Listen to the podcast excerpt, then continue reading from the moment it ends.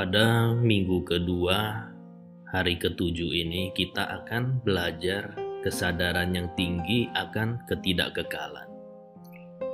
Renungkanlah dengan perhatian terpusat akan kematian sepanjang waktu dan dalam setiap keadaan. Ketika sedang berdiri, duduk, atau berbaring, katakan kepada diri Anda, ini adalah perbuatan saya yang terakhir di dunia. Dan renungkanlah hal itu dengan keyakinan yang teguh. Dalam perjalanan Anda ke mana saja, katakan kepada diri Anda, mungkin saya akan meninggal di sana. Tidak ada kepastian apakah saya akan kembali. Ketika Anda berangkat untuk suatu perjalanan atau berhenti untuk beristirahat, Tanyakan kepada diri Anda, apakah saya akan mati di sini? Di mana saja Anda berada, Anda seharusnya berpikir bahwa mungkin tempat tersebut merupakan tempat kematian Anda.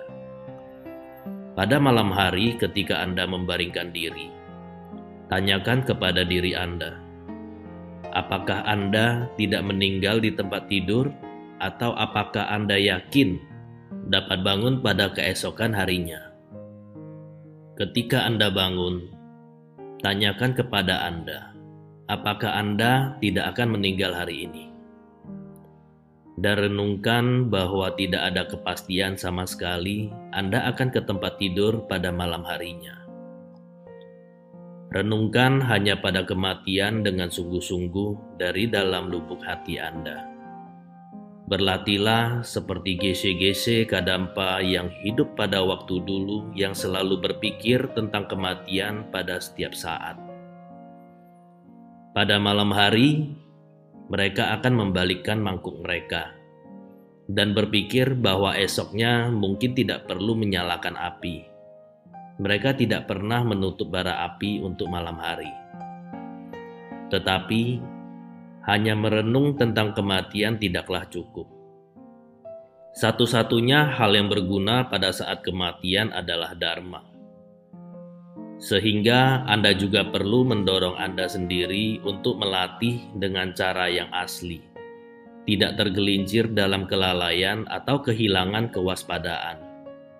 Sambil berpikir bahwa kegiatan samsara hanya untuk sementara waktu saja dan tidak mempunyai arti sama sekali. Gabungan antara badan jasmani dan batin tidak kekal. Jadi, janganlah mengharapkan barang itu sebagai milik Anda. Semua jalan dan jalur adalah tidak kekal. Jadi, ke mana saja Anda melangkah, tujukan langkah Anda pada Dharma seperti yang dikatakan dalam rangkuman kebijaksanaan transenden. Jika Anda melangkah dan hanya melihat jarak sepanjang kuk bajak di depan Anda, maka hati Anda tidak akan bingung. Di mana saja Anda berada, semua tempat adalah tidak kekal. Oleh sebab itu, berpikirlah bahwa tempat itu adalah alam Buddha. Makanan, minuman, dan segala apa yang Anda nikmati adalah tidak kekal. Oleh sebab itu, makanlah dengan konsentrasi yang penuh. Tidur itu tidak kekal. Oleh sebab itu, waktu Anda tertidur, murnikan khayalan tidur menjadi cahaya terang. Harta, jika Anda memilikinya, adalah tidak kekal. Jadi, berusahalah untuk mendapatkan tujuh harta mulia Kekasih, teman, dan sanak keluarga adalah tidak kekal.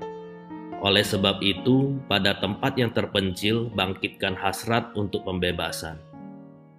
Pangkat tinggi dan kemasyuran tidaklah kekal. Oleh sebab itu, selalulah mengambil posisi yang rendah. Ucapan tidaklah kekal. Oleh sebab itu, bangkitkan niat Anda untuk melafal mantra dan doa keyakinan dan hasrat untuk mencapai pembebasan adalah tidak kekal. Oleh sebab itu, berjuanglah untuk berbuat sesuai janji Anda. Ide dan pikiran tidaklah kekal. Oleh sebab itu, kembangkanlah sifat yang baik. Pengalaman meditasi dan realisasi tidaklah kekal. Oleh sebab itu, teruskan sampai Anda mencapai titik di mana semua benda melebur ke dalam sifat dasar realita. Pada waktu itu, hubungan antara kematian dan kelahiran kembali berkurang, dan Anda mencapai keyakinan bahwa Anda sama sekali siap untuk meninggal. Anda telah menguasai benteng keabadian anda seperti seekor elang yang bebas membumbung tinggi pada puncak surga. Sesudah itu, tidak perlu lagi adanya latihan dan ketakutan saat mendekati kematian. Seperti yang dinyanyikan Jetsun Mila, takut akan kematian, saya pergi ke gunung. Berulang-ulang saya merenungkan kedatangan kematian yang tidak dapat diperkirakan dan berpegang pada benteng sifat dasar ketidakmatian yang tidak berubah. Sekarang saya sama sekali di luar jangkauan ketakutan akan kematian. Dan Dakpo Rinpoche yang tak tertandingi berkata, pada mulanya Anda mestinya dikemudikan oleh kekuatan akan kematian seperti seekor rusa jantan yang terlepas dari perangkap. Pada tingkat pertengahan, anda mestinya tidak akan menyesal biarpun Anda meninggal. Seperti seorang petani yang sudah mengerjakan sawahnya dengan hati-hati. Pada tingkat akhir, Anda mestinya merasa lega dan bahagia, seperti seorang yang sudah menyelesaikan suatu tugas yang berat. Pada awalnya, Anda mestinya tahu bahwa tidak ada waktu untuk diboroskan seperti seseorang yang sudah kena panah beracun. Pada pertengahan, Anda mestinya merenungkan kematian tanpa memikirkan hal lainnya, seperti seorang ibu yang kematian anak tunggalnya. Akhirnya, Anda mestinya tahu bahwa tidak ada hal yang harus dikerjakan lagi seperti seorang penggembala yang kawanan ternaknya sudah diusir oleh musuhnya. Renungkanlah dengan perhatian penuh tentang kematian dan ketidakkekalan sampai Anda mencapai tingkat tersebut. Kata Sang Buddha, merenung secara terus-menerus tentang ketidakkekalan adalah membuat persembahan kepada semua Buddha. Merenung secara terus-menerus tentang ketidakkekalan akan diilhami oleh semua Buddha merenung secara terus-menerus tentang ketidakkekalan akan dituntun oleh semua Buddha. Merenung secara terus-menerus tentang ketidakkekalan akan diberkati oleh semua Buddha. Dari semua jejak kaki, jejak kaki gajahlah yang terkenal. Sama halnya dari semua topik renungan untuk pengikut Buddha, pikiran tentang ketidakkekalan adalah yang paling unggul. Dan beliau berkata dalam Winaya, mengingat untuk sesaat saja akan ketidakkekalan semua benda yang tergabung adalah lebih berharga dari memberi persembahan kepada seratus murid saya yang berkualitas wadah sempurna seperti Biksu, Sariputra, dan Mogalana. Seorang murid awam bertanya kepada GC Potawa, latihan Dharma apakah yang paling penting kalau seseorang harus memilih satu saja? GC menjawab, jika Anda ingin memakai satu dharma saja untuk berlatih, bermeditasi akan ketidakkekalan adalah yang paling penting. Pada mulanya, renungan terhadap kematian dan ketidakkekalan akan menuntun Anda mulai berlatih dharma. Pada pertengahan, ia akan memberi dorongan kepada Anda untuk melakukan hal-hal yang positif. Akhirnya, ia akan membantu Anda merealisasikan kesamaan semua fenomena. Pada awalnya, renungan akan ketidakkekalan menuntun Anda memutus hubungan Anda dengan barang-barang dalam hidup ini. Pada pertengahan, ia akan memberi dorongan kepada Anda untuk melepaskan semua kemelekatan akan samsara. Pada tingkat akhir, ia membantu Anda mulai menapaki jalan nirwana. Pada awalnya, renungan akan ketidakkekalan menuntun Anda mengembangkan keyakinan. Pada pertengahan, ia akan memberi dorongan kepada Anda untuk berlatih dengan giat pada akhirnya ia akan membantu Anda melahirkan kebijaksanaan. Pada awalnya, renungan akan ketidakkekalan sampai Anda yakin sepenuhnya akan menuntun Anda untuk mencari Dharma. Pada pertengahan, ia akan memberi dorongan kepada Anda untuk berlatih. Akhirnya, ia akan membantu Anda mencapai tujuan.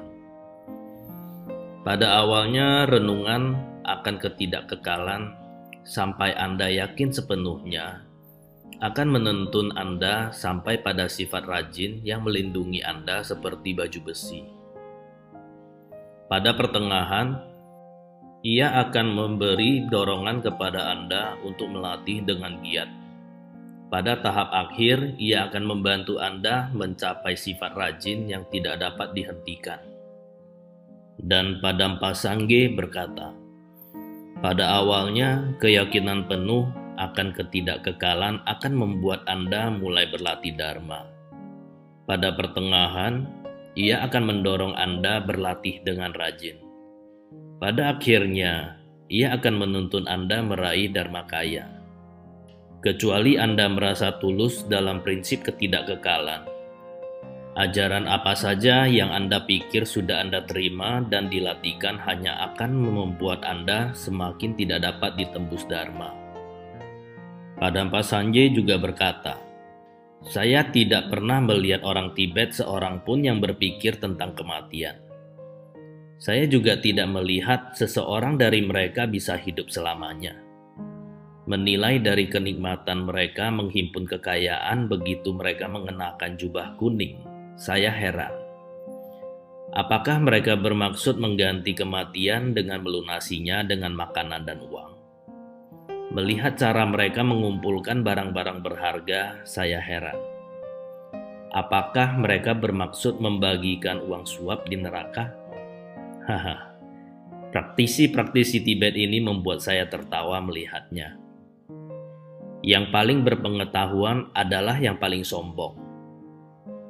Pelatih meditasi yang paling baik menumpuk bekal dan kekayaan. Pertapa yang menyendiri sibuk sepanjang waktu, yang meninggalkan keluarga dan negara tidak punya rasa malu. Orang-orang ini kebal terhadap Dharma. Mereka gemar berbuat perbuatan yang tidak baik. Mereka dapat melihat orang lain meninggal, namun mereka tidak mengerti bahwa mereka sendiri juga akan mati.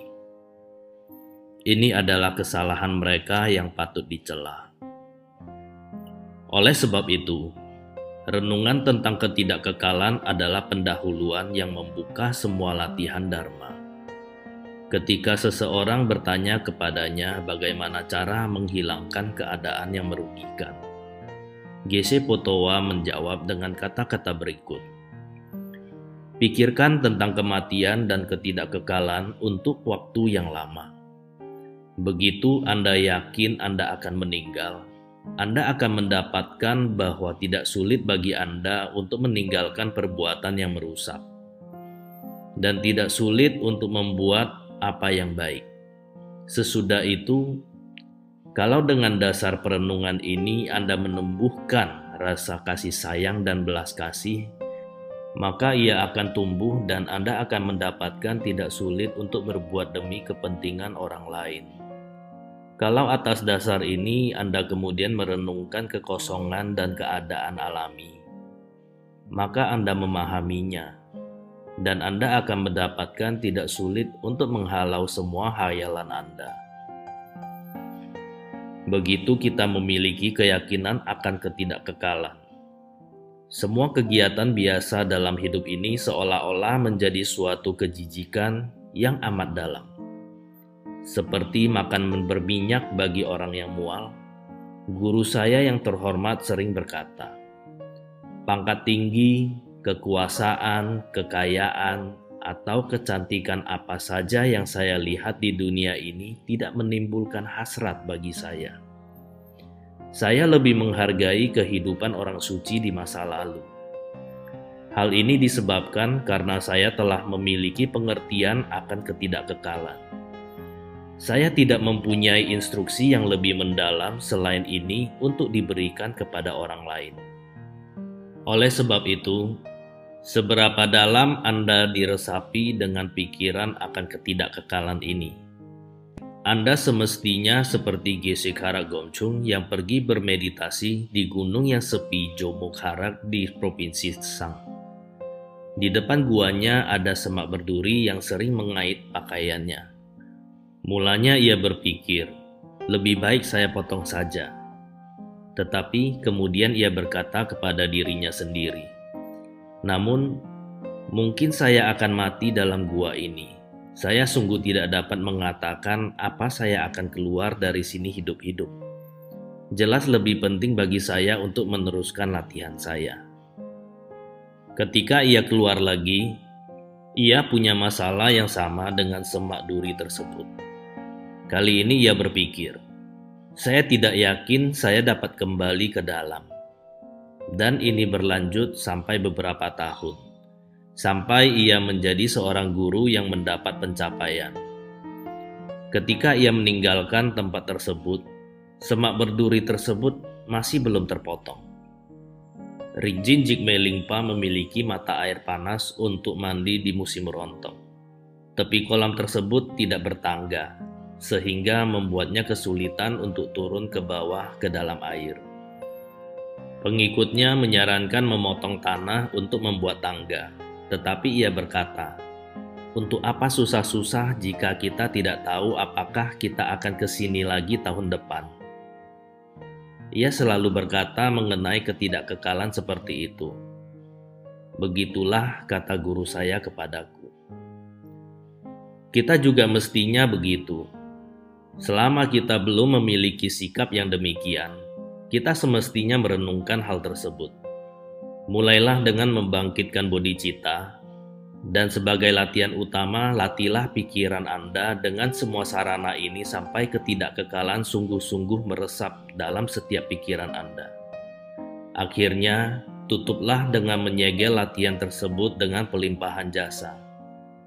Dengan berlatih demikian, Berjuanglah dengan sekuat tenaga untuk mencontoh orang-orang terkenal di masa lampau.